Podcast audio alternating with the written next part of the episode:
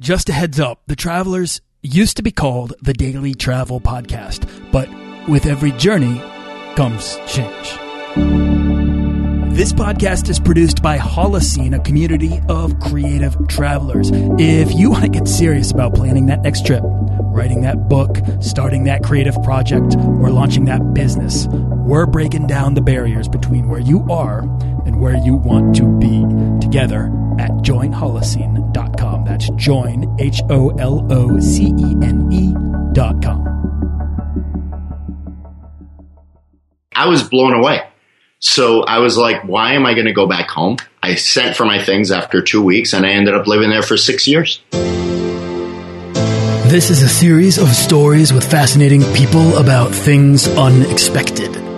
Man, I get so excited when I know I'm going to a new country and I don't know anybody. I can build my network from scratch and it's just another country that I can put a pin in on the map. This is the Daily Travel Podcast. But not a pin saying that I've been there, a pin stating that I have a strong global network there. This is about going to the limits of our curiosity and creativity and writing the stories that make up our lives. It's the relationships that will take you through the life. It's the relationship, that helping hand that's going to help you up if you ever need it. This is a show about exploring the world to better know ourselves and about turning ourselves inside out to better know the world. The future is going to be so damn cool. It's just going to blow people off the planet.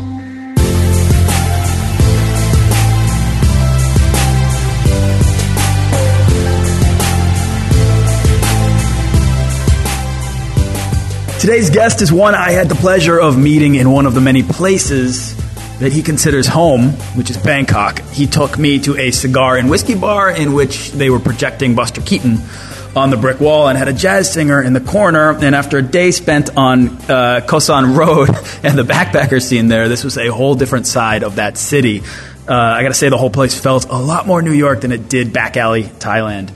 And uh, that's where I got to know Scott Eddy, who's a former stockbroker turned world traveling digital marketing consultant and public speaker. But more recently, he's added digital nomad to his list of descriptors. Uh, travel wasn't always there for Scott, and we're going to get into the direction he's taken his career, how and why he's doing that. And above all things, I've noticed Scott to be an opportunist in the best of ways. He never passes up on the opportunity to make a new connection, to visit a new place, to meet a new audience, or to just say hello and be curious, uh, which this sort of uh, being curious and being human seems to be pervasive throughout his brand, throughout the way he's built up a Twitter uh, uh following of over 600,000 people.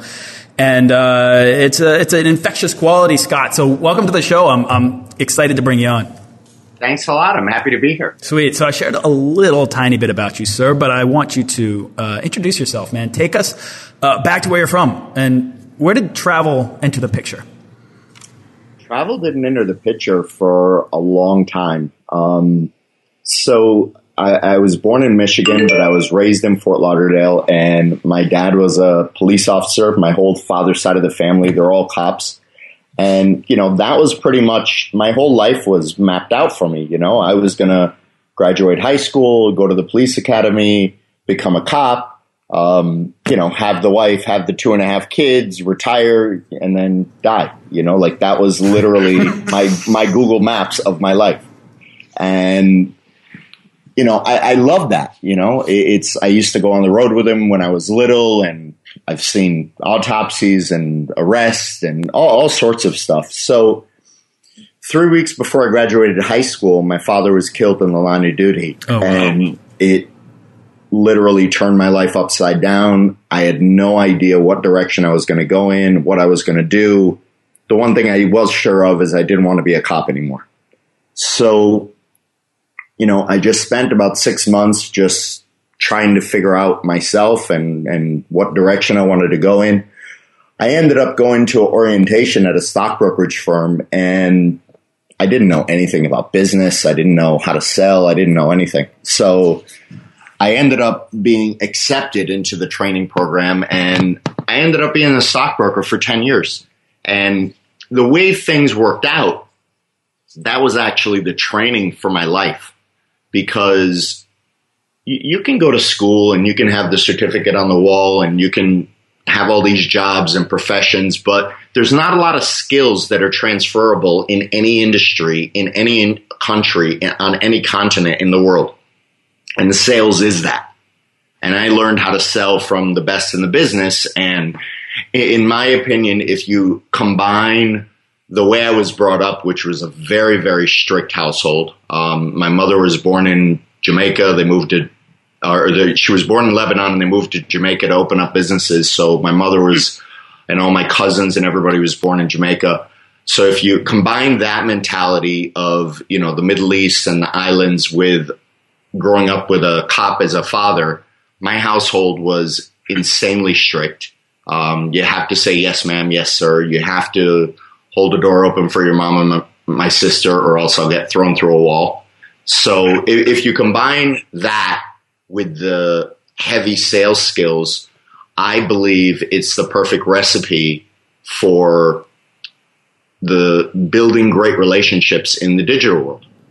All right. So one thing that's really interesting to me is that you don't seem to be nowadays a very uh, a strictly oriented person. I mean, you're working on sort of esoteric things like digital marketing, digital strategy, social media. These things are very fluid. They're very loose. Uh, and at some point, there must have been some degree of transformation. Um, and I'm curious though, because when your dad died, uh, you seem to have lost direction, and the direction you went was stockbroking. And correct me if I'm wrong, but I'm going to make a guess that wasn't that didn't end up being the right direction. But was it a good fit because of all of the sort of strictness and routine in your life? Yeah, um, it, it, really was. It, it, was sort of like a, I don't know the right word for it, but it was sort of like a mental release that I could get in there and I could actually be my own person and, and do my own thing and, and really new, learn a new way of life. And I mean, I was surrounded by craziness for 10 years. I mean, that industry is just completely, it's just not normal at all. Did you? Why wasn't it a great fit for you in the end, though? I mean, you eventually moved. How long were you stockbroking? So I was a stockbroker for ten years, and it, it really, it really was a, a good fit. Um, but I, I, did what I had to do. I, I, I, did very well. I learned what I had to learn. They sold the firm, and in my opinion, I, I really go with fate and I go with my gut. And when they did that, they were really telling me to resign and, and get out of the industry. So I did. Um, and then a friend of a friend who was living in Bangkok, just outside of Bangkok, you know, older guy, wife, kids. He he contacted me and he said, "Look, you've never been to Europe, you've never been to Asia, you've never even tried Thai food." He's like, "What are you doing? You're not doing anything right now. Hop over here and come out for a visit." So after thinking about it for a few days, I, I, I did. I hopped on a plane and I went to Bangkok just for a visit though. After two weeks, I, I just I couldn't believe that you could have a city almost the size of New York, but everybody's nice. I was like I was like, what is going on here? You don't have the crazy crime everywhere. There's not, you know, nine people getting shot on Memorial Day. You don't have carjackings. You don't have. I was like, I was blown away. So I was like, why am I going to go back home? I sent for my things after two weeks and I ended up living there for six years. Wow. So what did you not have how hard was it to leave? I mean, did you have a lot of friends and family at home that were sort of maybe uncomfortable with this decision to move overseas?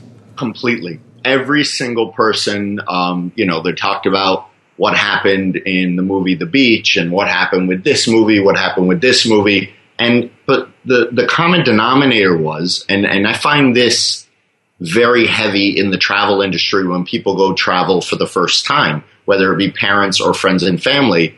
You have a lot of people that have never been where you're going, telling you what it's going to be like. And I, I, I, find that very strange. I mean, yeah, they freak you out in the beginning, and it was a little hard to leave, but at the end of the day, 99% of everything that they said was completely false.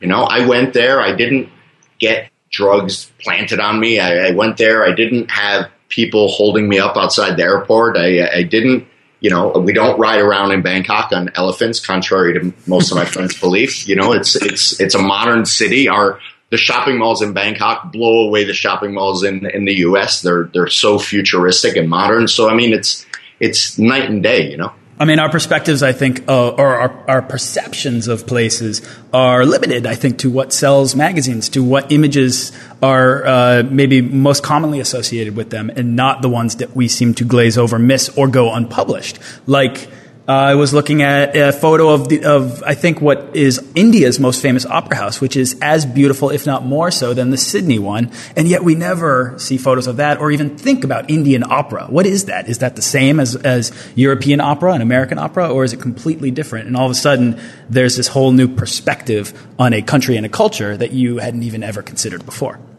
you know, the media, and and by that I mean either the news or or movies and TV shows, they really do psychological selling every single day. And literally, they go in any direction that they want. There's a, there's no guidance. There's no you know rule book or playbook. They literally, if they're in the mood to tell you that this place is bad, guess what? It's going to be bad. Hmm. because if you want to find the bad in something, you can find it. You just have to look hard enough. Of course you can but you can also find that silver lining. You can also find, you know, a thousand good things. It just depends. Are you an optimist? Or are you a pessimist? I'm a hardcore, stone cold optimist, and I always will be. stone cold optimist. Uh, so you moved with a background in stockbroking to Thailand, to Bangkok, got settled. With this background in stockbroking and uh, maybe uh, plans for a new beginning, what was step one? So step one was getting acclimated because you know there's a couple things about Asia and you know this that's not normal to the rest of the world. Number one, everything in Asia, business and personal, it's all built on relationships, which for me was heaven because I have an insatiable desire, an insatiable hunger to develop new relationships every day because that's really what has taken me where I've gotten in life. So, um, also, you, you, you know, I had to learn. I was very, very aggressive, very impatient, very like I want it right now and I want it correct. Things don't work out like that in Asia. Things don't work out like that when you're traveling. So the first thing that I had to learn, which was super, super difficult, was patience. And and it may sound, you know, like something simple. You know that it's not simple, but somebody listening might. And it's just, it's really, really not because, you know, things don't happen when they're supposed to. And, you know, if you get a new place, internet might take over a week and, you know, just certain little things that we're accustomed to happening overnight in the U.S. It doesn't work out that way when you're in a developing country or a third world country or even a fourth world country. You know, there was this moment in Tokyo. I was I was traveling in Tokyo and I could something was sort of eating at me, Scott. It was as if I was beginning to feel this stress and I couldn't really tell what it was. And I thought to myself, am I running out of money? No. Do I have somewhere to sleep tonight? Yes. Uh, am I lonely? I don't think so. What is it that's bothering me? And I remember sitting at a uh, metro stop in the center of Tokyo, and I remember I like took my glasses off or something and rubbed my eyes, and all of a sudden I heard it. It was the sounds of Tokyo. It was so foreign to me, and I'd only been there for you know two or three days. But it was these sort of this animated, over the top sound that were just constantly that I was being constantly bombarded with. That was so different, and yet I had to develop this degree of patience for, um, and I hadn't. I didn't recognize it. It was just it was just this new thing. And once I recognized that, I think I pretty quickly corrected because I'm, a, I'm kind of a, I'm a traveler. I have this traveler's mindset. I like chaotic things. Bangkok is, there's a chaos I think that you need to embrace there, much like other massive Asian cities, Kuala Lumpur, um, Beijing. These places have this sort of frenetic energy that uh, I think appeals a lot to people who identify themselves as travelers or explorers because, man, you're hungry for that. You're hungry for that ongoing challenge. I, I, I call Bangkok organized chaos. and I, I, I can't describe it in a better way. It is such an unorganized, amazing, gorgeous, underappreciated city. And I, I just think that I think it's heaven for me. I mean, it's just the greatest place in the world because just like when we were hanging out, you know, you can literally be as one star as you want, eating off the street, you know, hanging out at these van bars on the side of the road. Yeah. And living in hostels, or you can get a seven star as you want and dine in one of the rooftop restaurants and hang out in five star hotels and go to cigar bars that you didn't know existed in Asia. You know, like it's so crazy. It is. I think Bangkok's the only place in which I've paid. Uh, I think I paid 75 cents and then later $7 for the exact same beer and it was just like just regular I, Chang, I think, right? So that is like buying a Bud Light on the street for seven, seven, 70 cents, or then later at a hotel uh, rooftop bar for seven dollars. It's insane. I mean, how does that even happen? Yeah, it's it, it's not normal, and it's great at the same time. So, Scott, you mentioned that you uh, have this insatiable desire to develop new relationships. Uh, where do you think that comes from? It, I know exactly where it comes from. So, my father um, worked in probably the the roughest neighborhood in Fort Lauderdale, and you know I used to go with him all the time, and he used to tell me when he was riding around, you know, like you know this guy. He pointed out to this guy, this guy is a drug dealer, and I've arrested him seven times, but he's a close friend of mine. I never understood what that meant when I was little. He goes, you know, he talks to me about everything. Um, he, will never run away from me. He knows when he's wrong. He admits when he's wrong, and it's and it's all about the relationships that he had, and that's what made him, you know, a very popular guy in the streets. And you know, when my when my father had his when they had the funeral, the police funeral, there was uh, guys that he put away in jail who requested to come out that day to be at his funeral. That's how much they loved him and respected him because of the relationships that he had. I mean, there was 12,000 people at my father's funeral. And wow, I would probably say 20% of them were prisoners. Wow. And wow. it's just, it was really unbelievable because, you know, back then this was, um, actually, it was just the 26 year anniversary, uh, two days ago. So it was May 25th, 1989. Back then, you know, you didn't have a lot of police dying in the line of duty. Today, it's pretty much, you know, news. It's news quite often, unfortunately. Um, but back then it was pretty big news. So it was it was quite a spectacle. But he drilled that in my head all the time when I was little, and he's like, money comes and goes. Um, it's the relationships that will take you through the life. It's the relationships that will take you through the hardships. It's the relationship, that helping hand that's going to help you up if you ever need it. And, you know, it becomes mental muscle after a while. And then when social media came around, and I was like, wow, I can develop relationships 24 hours a day globally. I, wow, this is like unbelievable to me. So, I, I mean, I, I, I honestly, I don't understand people that aren't building up massive, huge, gigantic communities on a daily basis because you can do it. It's free. I mean, theoretically, it's not free because it's super time consuming, but it, it just, it absolutely blows me away.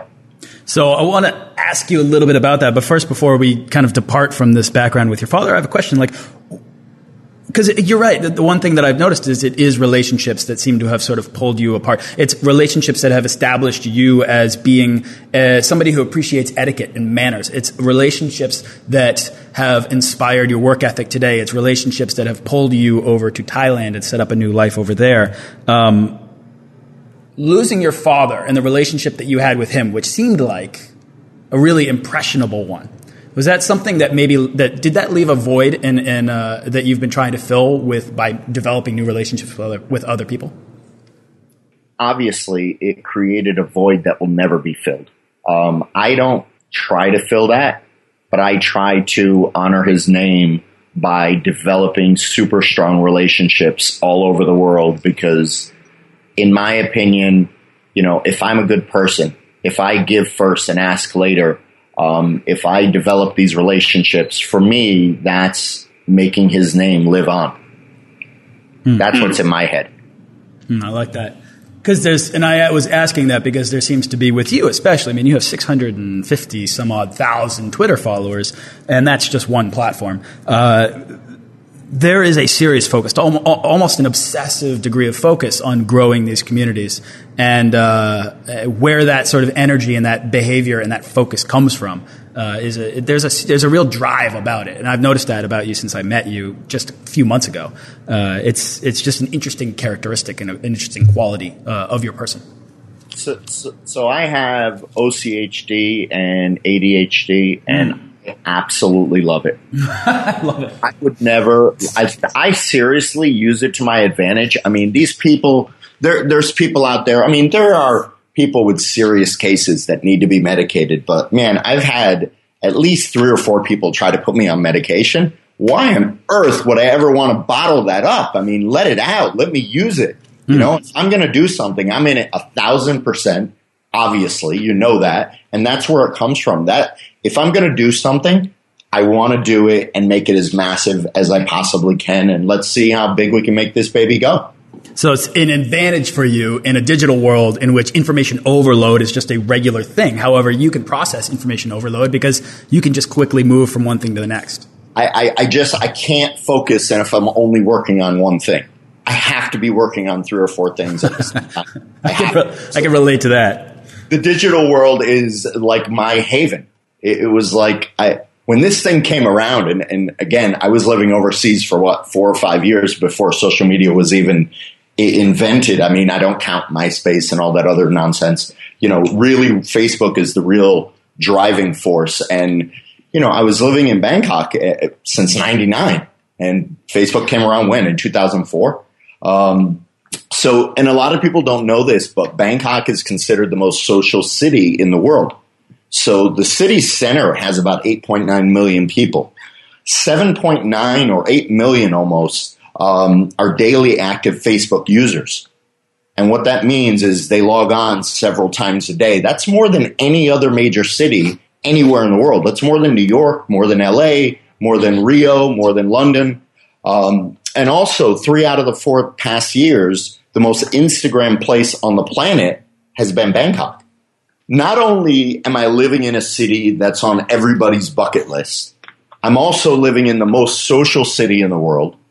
And obviously, the, the pictures that come out of Bangkok are just, you know, they, they trend very, very well. They gain traction quickly on social media. So I had tremendous shortcuts building my following that a lot of people don't have. So, you know, I, I, and I'm grateful for that. And I recognize that it doesn't, I didn't pull the wool over my eyes. I realized that I had those advantages, but because I had those advantages, why not take advantage of it and ride the wave? Right. So for you, it was a matter of timing and also just personal advantage. I mean, what, what advantages did you have? I, I didn't have any. I, I, was just in the right place at the right time, and I'm an entrepreneur by nature. I mean, you you put me down in a third world country or even a developing country, if I see the need for something, I will try to find a way or try to build a relationship in order so I can build something around and make a plug for that hole. And naturally, that is the mindset that you took when you got to Bangkok originally, acclimated yourself. And then, if you can, once you did that, once you were acclimated to Bangkok, can you take us through this sort of reinvention of yourself and the role that travel played? Well, so here's the thing. Then, you know, once I got over there, then, you know, you're going on weekend trips and day trips and you're going to Singapore, you're going to Hong Kong, you're going to all the islands and I got addicted to like elephants and I used to go to these elephant camps and bathe them and oh man, just the best. So, um, after, you know, I, I set up home base and I had loads of friends and I had a good lawyer, um, then I started setting up these marketing companies because I, I began to realize that sales is nothing more than, you know, how you persuade somebody to do something. You know, it could be in an evil way or it could be in a very good way. Um, and social media gave us a platform where, you know, when I was growing up and when you were growing up, if you were a storyteller, that means you were a liar but now, but now a storyteller means you know you're the greatest guy in the world in social media. Right. You know, it's a little overused term, but I mean, it's it's amazing. You're only as good as the stories you tell. That's it, and, that's it. and it's really, really unbelievable the, the, the shift that, that the world is going in. I, to be honest, I wish I was born today because the future is going to be so damn cool it's just going to blow people off the off the planet. Um, so yeah, I started opening up these marketing companies, and um, I started doing branding and and marketing, and it, it's I mean it's just sales. It's sales down on paper.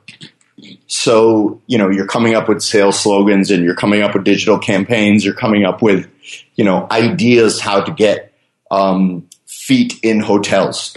That's that's the bottom line. Um, how did you find the work, and how hard was it to, to get set up as an American who had just moved to Thailand? Oh, getting getting set up. There's loads of Americans in Thailand, and it's so easy to set up a company there. It's it, it's very very simple. They don't. I mean, you do have to go through a couple hoops, but I mean, you know, not as easy as the U.S., but it's it's not difficult at all to set up a company in Thailand. Um, getting clients was the easiest part because I spent the first year and a half just wandering around Bangkok, going out every night, meeting people. So by the time I started anything, I literally had relationships everywhere. So, you know, I was I was getting clients hand over fist. That's the it's I never have an issue with any of my startups in anything that I've ever done getting clients because I always develop relationships. And when I start a new business, because my personal brand is so strong, so all I have to do is announce that I start a new business. I have clients overnight. I like this. I mean, Scott, it's clear that social media was almost built for you. Uh, it's, it's as if you were a digital native before digital came around. you have that culture about you, and digital is a culture just as much as any, as just as, just like Thai is a culture. Um, if you speak the language, if you move fluently through it, you uh, can make connections faster. And I think most people struggle with that. Uh, have you found that your travels have helped you uh, in practicing to be, or maybe it's the other way around, but in practicing to become uh, digitally fluent.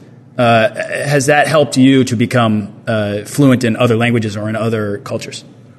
Um, not other languages. I mean, I have a I have a basic understanding, a pretty good concept of of Thai, but I, I'm pretty American in my mindset where it won't let me learn 19 languages like the average European speaks. It, it's just I'm I'm handcuffed when it comes to language. I'm absolute. I run up against brick walls, so I just gave up. Um, but yeah, you know, it, it's it's super cool. You know, I I dropped down in a new country where I only know one person.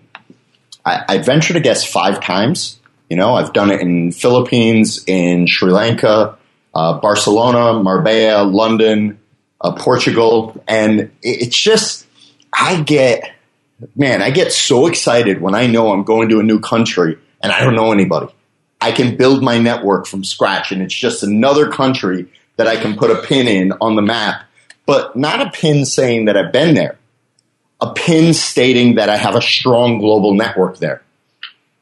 And it's, it's really, really cool. You know, there's a lot of countries out there that I, I just, I want to go and I want to build a network and I want to make friends. And, you know, for me, you either fill one of three buckets. And I don't really mind which one you fill you fill a friend bucket, which, you know, we might be friends forever. You fill the second bucket where you just love the content that I curate, that I push out, and you, are commenting all the time. You're you're just super super passionate about my personal brand. You're an evangelist for life. Or you're going to fill bucket number three. Bucket number three, you love and share my content all the time, but there's a possibility that we might actually do something in the future. So I don't mind whichever bucket you want to be in. I don't, how can somebody say, well, the biggest thing that I don't understand is when I work with brands and especially travel brands and, and hotel properties are the absolute worst. And they say, okay, but how quick is the ROI coming? Like if they don't have ROI the next day or the next week or within 30 days, they feel that it's a waste of money. They don't, they don't understand um, you know, the the for me, the R in ROI means relationships, and you have to have that first. Because if you don't develop that first, you're never going to have a long term client. You're never going to have a long term friend. You're never going to have a long term anything. Everything is short term, and is all you're doing. The whole relationship is putting band aids over the problems.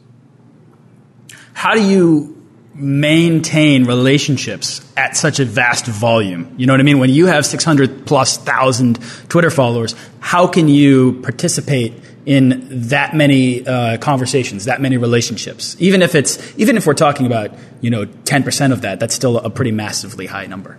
So, you know, obviously I can't do it to everybody, but you know, when when I wake up in the morning, my morning ritual is the most important thing in my my life. Um, I go for a very long walk uh, wherever I am. Like you know, here I go down by Golden Gate Bridge, and yesterday I walked across. A lot of times I'll walk halfway across, and during that time, I look at my following. I, I follow everybody back that followed me overnight. Um, I reply to every tweet that came in overnight. If you talk to me, I don't care how busy I am, I will answer. So I, will never, ever, ever understand the people when you send them a tweet or a brand, you send them a tweet and you just get no response. Like, why are you on social media if you don't want the conversations? Mm-hmm. Like, I don't, I, I, don't get it because yeah. it's the equivalent of standing on a sidewalk. Someone comes up to you, smiles, and says, "Hey, how you doing?" And you just stand there. It's yeah. the same thing. It's a current it, this is this day's version of that. And this is exactly what I'm talking about when I'm talking about digital is a culture and being fluent in it. You know, I mean, understanding that there are conversations that need to be human and they need to be normal and they need to be social uh, back and forth. Don't just treat them like it's some correspondence or some sort of customer service thing out of the 80s. This is actually a party going on and we can all communicate with each other and actually appreciate each other and the relationship that we can grow. Um, so follow that model. I think anybody that's listening that is into this world or wants to do this sort of thing, follow that model that Scott lays down. Scott, I want to ask you a couple questions though about um, making that re- realistic. Are there any tools that you use that facilitate these processes, and are there any uh, obstacles that you hit, like follower limits or, or whatnot, that you have uh, strategies for overcoming? This sounds weird, but I'm pretty old school when it comes to growing my following. The only actual automation and tool that I use, I use um, two things. I use obviously a program to show me who unfollows me. Um, that you, you, just can't do that by hand. Um, mm-hmm. And and then I use a tool to so I put out a quote every three hours, and you know sometimes it's funny and sometimes it's motivation and, and, and sometimes it's travel related and things like that. And I think it fits my personality pretty well. Um, so I use that to schedule a quote and I'll do maybe two or three days in advance, but literally everything else is done by hand. Um, I look for, like before I came to San Francisco, you know, it was the beginning of the year. I was trying to figure out because I said 2015 is the year. I think I have a decent enough following. I think I have a decent enough for personal brand. Let's take advantage of this and dive in and see where it takes me. So just coincidentally, that's when I got the call from San Francisco. But so after I agreed to to do that, you know, the week before, I was doing research every day, all day. Who is active in the social community in San Francisco?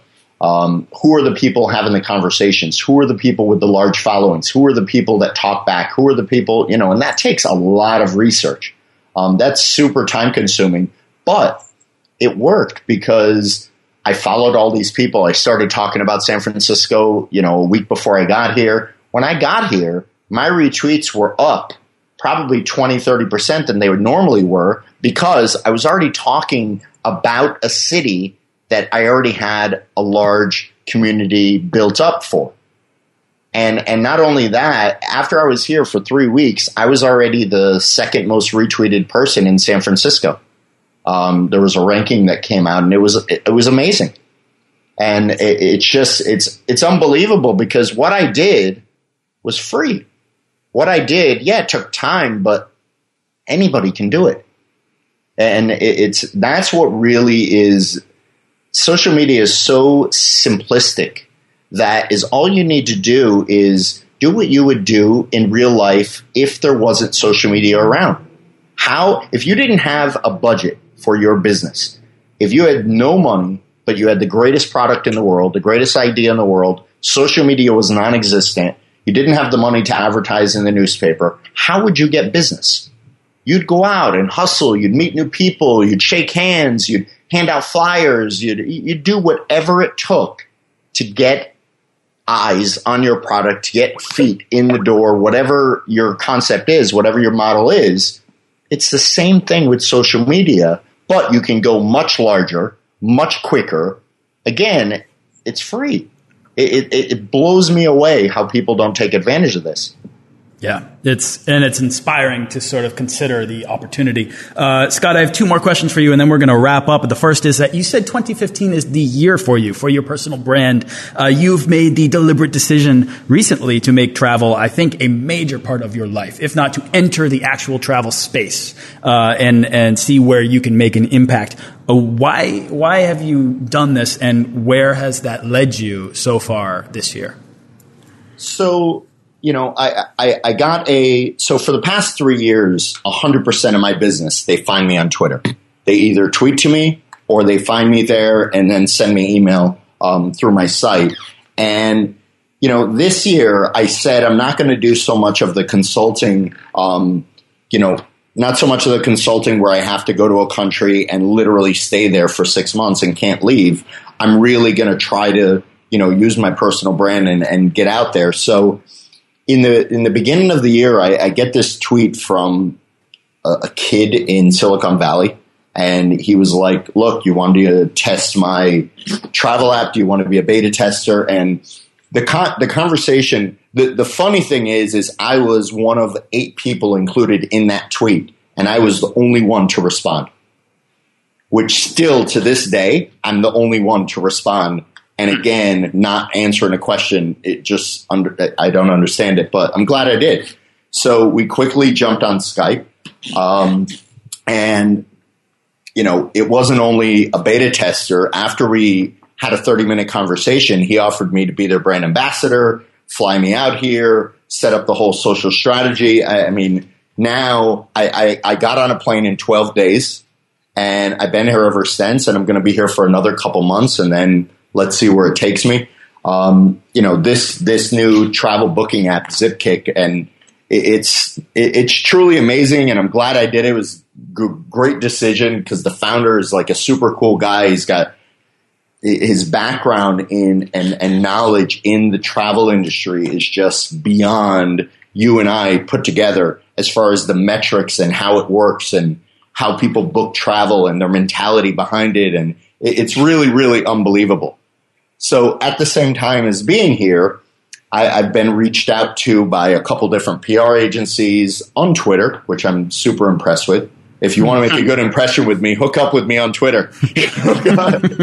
so you know, it, um, so I, am talking with a couple PR agencies. I'm talking with a book publisher. I'm talking with all, all these people. I, you know, if you ask me where I'm going to be in three months, I honestly have no idea.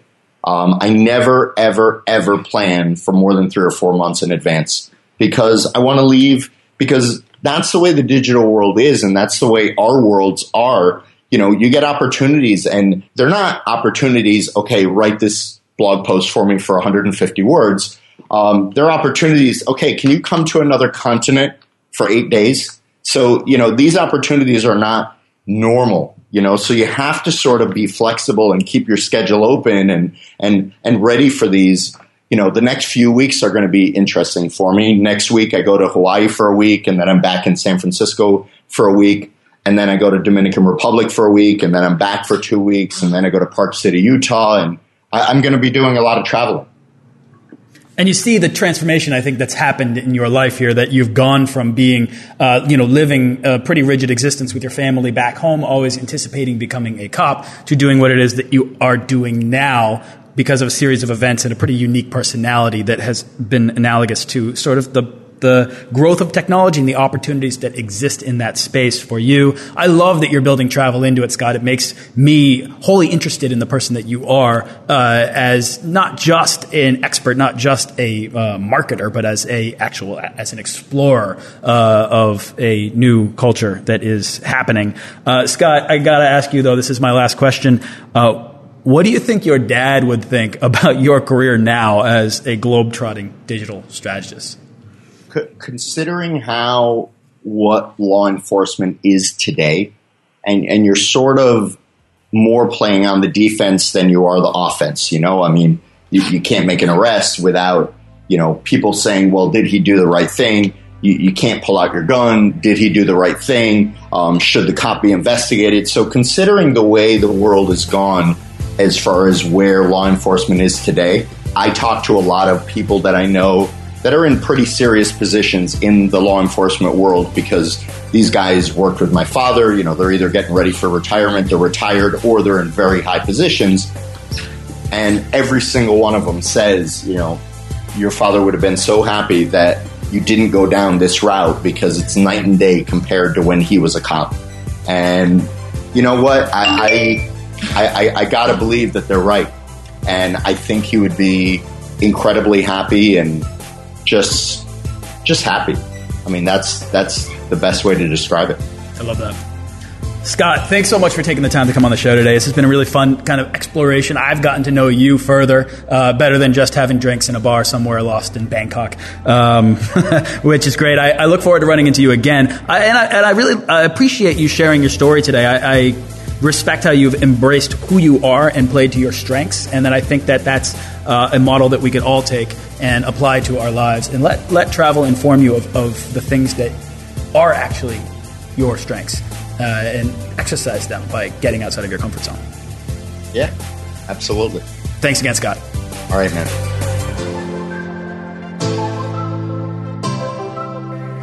Thanks for listening to this episode of the Daily Travel Podcast. For show notes and links to everything in this episode and more, head on over to dailytravelpodcast.com. Join our Facebook page of explorers and subscribe to our newsletter for the best deals and resources to help make your next trip life changing.